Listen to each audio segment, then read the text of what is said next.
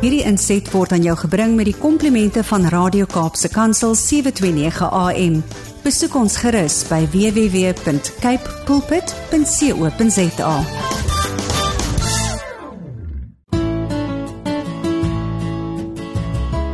Goeiedag, my naam is Els Rondgen en ek nooi jou om saam met my stil te word en by Jesus se voete te kom sit terwyl ons hartsgesprekke saam met hom gaan hê.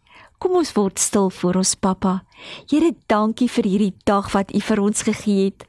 Daar is waarlik niemand soos U nie en ons wil vandag U naam groot maak en verheerlik. Dankie dat U so goed is vir ons, Here. Here, ons verdien dit nie en tog neem U ons sonde so ver van ons weg soos die ooste en die weste wanneer ons dit voor U bely. Here ek vra nou dat U ons ore sal sensitief maak vir U stem sodat ons vandag sal hoor wat U vir ons wil sê. Heilige Gees, ons verwelkom U in ons midde en wil U ons help om bewus te wees van U teenwoordigheid hier by ons. Ons bid dit in Jesus naam. Amen. Weet jy die lewe is daarom wonderlik en interessant. Ek het nou die dag in geselskap gesit waar die mense begin praat het oor die legacy of nalatenskap wat hulle graag sou wou nalaat aan hulle nageslagte. Dit het my aan die dink laat sit en mense het baie uiteenlopende sieninge hieroor. Van hulle was redelik wêrelds ingestel, ander was weer ingestel om net die beste vir hulle kinders te gee en na te laat. En terwyl ek sit en luister, hoor ek die sagte stem van Heilige Gees wat vra en sê: "Ilse, ek soek mense op aarde wat my nalatenskap sal leef, beleef en uitleef na buite." Mag ek jou vandag vra, waarvoor sal jy eendag onthou wil word? Wanneer ek aan moeder Teresa dink, dink ek aan iemand wat haar lewe afgelê het en neergelê het om armes en behoeftige mense te help. Sy sou verseker haar eie drome gehad het, maar daar moes 'n tyd in haar lewe gekom het waar sy besef het daar is 'n roeping oor haar lewe wat groter is is haar eie daggedagtes en haar eie drome en dade. Weet jy, jy is geroep om die lig van die wêreld te wees en 'n lig onder 'n emmer het geen nut nie, maar selfs 'n vuurhoutjie maak 'n groot verskil in stuk donkerte. Ek en jy moet 'n verskil maak waar ons ook al gaan. Die woord sê ons lig, Heilige Gees lig, moet so in my en in jou skyn dat mense kan sien dat ons anders is dat ons anders praat, dat ons anders leef, dat ek en jy anders reageer wanneer ons swaar kry, dat ons anders liefhet, dat ons anders na mense kyk soos wat Jesus sou. Ek kry baie keer die idee dat mense nie besef dat die lewe nie 'n dressrehearsal is nie. Dit is dag tot dag besluite. Besluite wat die rigting van ons toekoms vir altyd kan verander. En as daar nou twee dinge is wat in hierdie tyd waarin ons leef so belangrik is, is dit wysheid en onderskeiding. En ek wil vandag 'n bietjie saam met jou gesels oor wysheid, maar goddelike wysheid. In Job staan daar dat die vrees van die Here is wysheid. Wysheid begin met die dien van die Here. Wanneer 'n mens die definisie van wysheid opsoek, staan daar dat dit kennis is van dit wat waar of reg is en ook dat wysheid saamloop met regverdige oordeel sodat ek en jy reg sal optree. 'n Mens kan wel baie kennis hê, maar indien hierdie kennis verkeerd toegepas word, het ek en jy geen wysheid nie. En wysheid kom van die Here af. In Psalm 111 vers 10 lees ons dat eerbied vir die Here is die begin van wysheid. Diegene wat sy voorskrifte navolg, het goeie insig. Die Here weet en hy sien vooruit. Hy weet wat die beste is vir ons. In Jakobus 3 vanaf vers 13 word goddelike wysheid baie mooi verduidelik. Daar staan: Indien jy 'n wyse en verstandige mens is, moet jy dit toon deur jou goeie gedrag en dade van nederigheid wat van wysheid getuig. As jy jaloesie en selfsug in jou hart dra, moet jy nie daarmee spog dat jy wysheid het nie, want dan praat jy nie die waarheid nie en jy mislei jouself. Hierdie soort wysheid kom nie van die Here af nie, maar dit is eerder aards, sinlik en demonies. Daar staan verder dat wanneer daar jaloesie en selfsug voorkom, sal daar ook gemeene dade wees. Met ander woorde, mense sal gemeen wees teenoor mekaar en met iemand anders. En mense sien dit so baie en die tragiese deel is is dat wedergebore kinders van die Here soveel skade aan ander mense kan aanrig deur hul dade.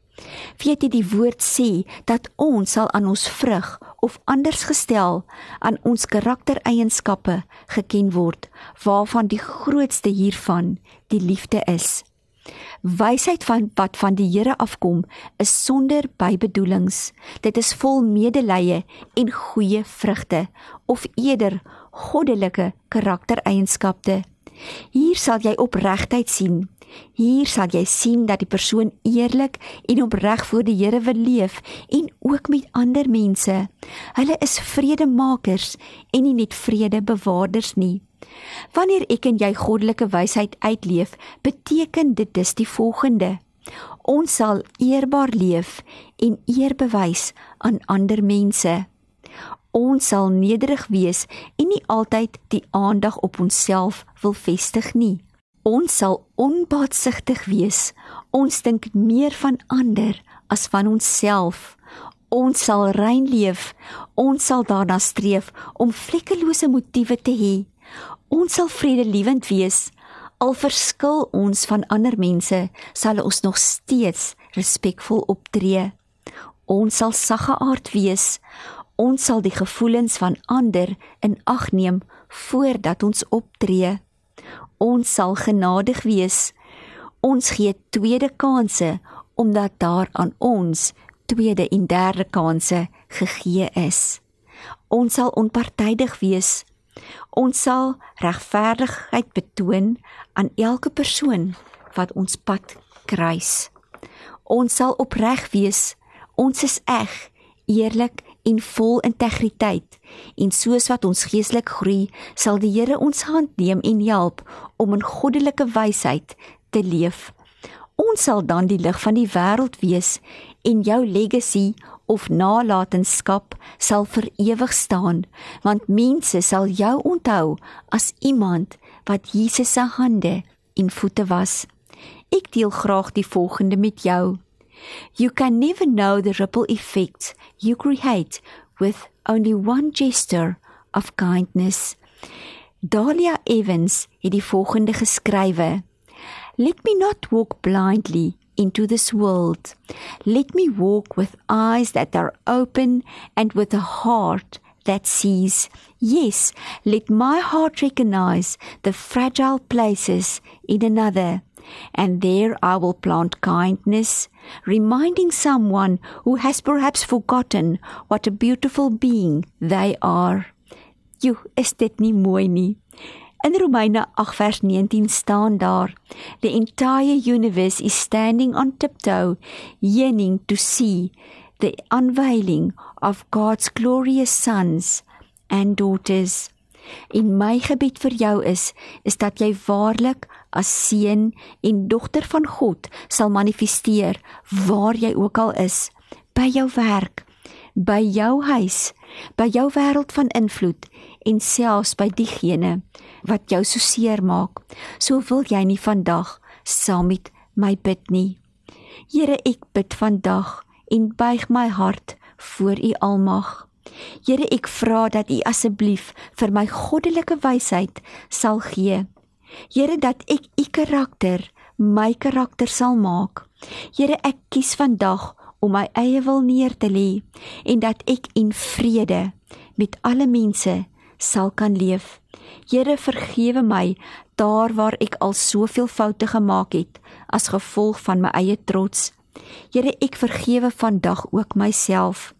Kom was my vandag skoon met u kosbare bloed en dankie dat ek weet ek is nie alleen nie. Dat ek altyd kan weet dat u my sal help om van nou af die regte keuses te kan maak. Here baie baie dankie vir u goedheid. Here mag my lewe aan u die eer bring wat u verdien. Ek bid dit in Jesus naam.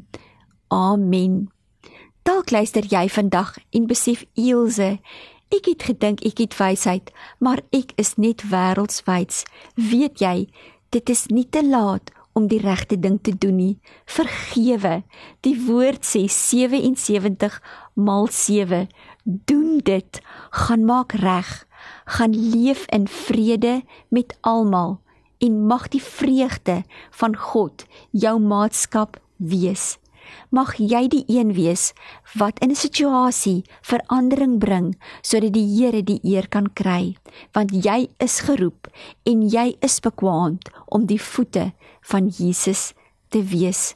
Baie baie dankie vir jou kosbare tyd en weet jy is geliefd en bemind deur die Here, ons wyse raadsman en sterke God vir ewig en ewig. Tot 'n volgende keer. Baie seën.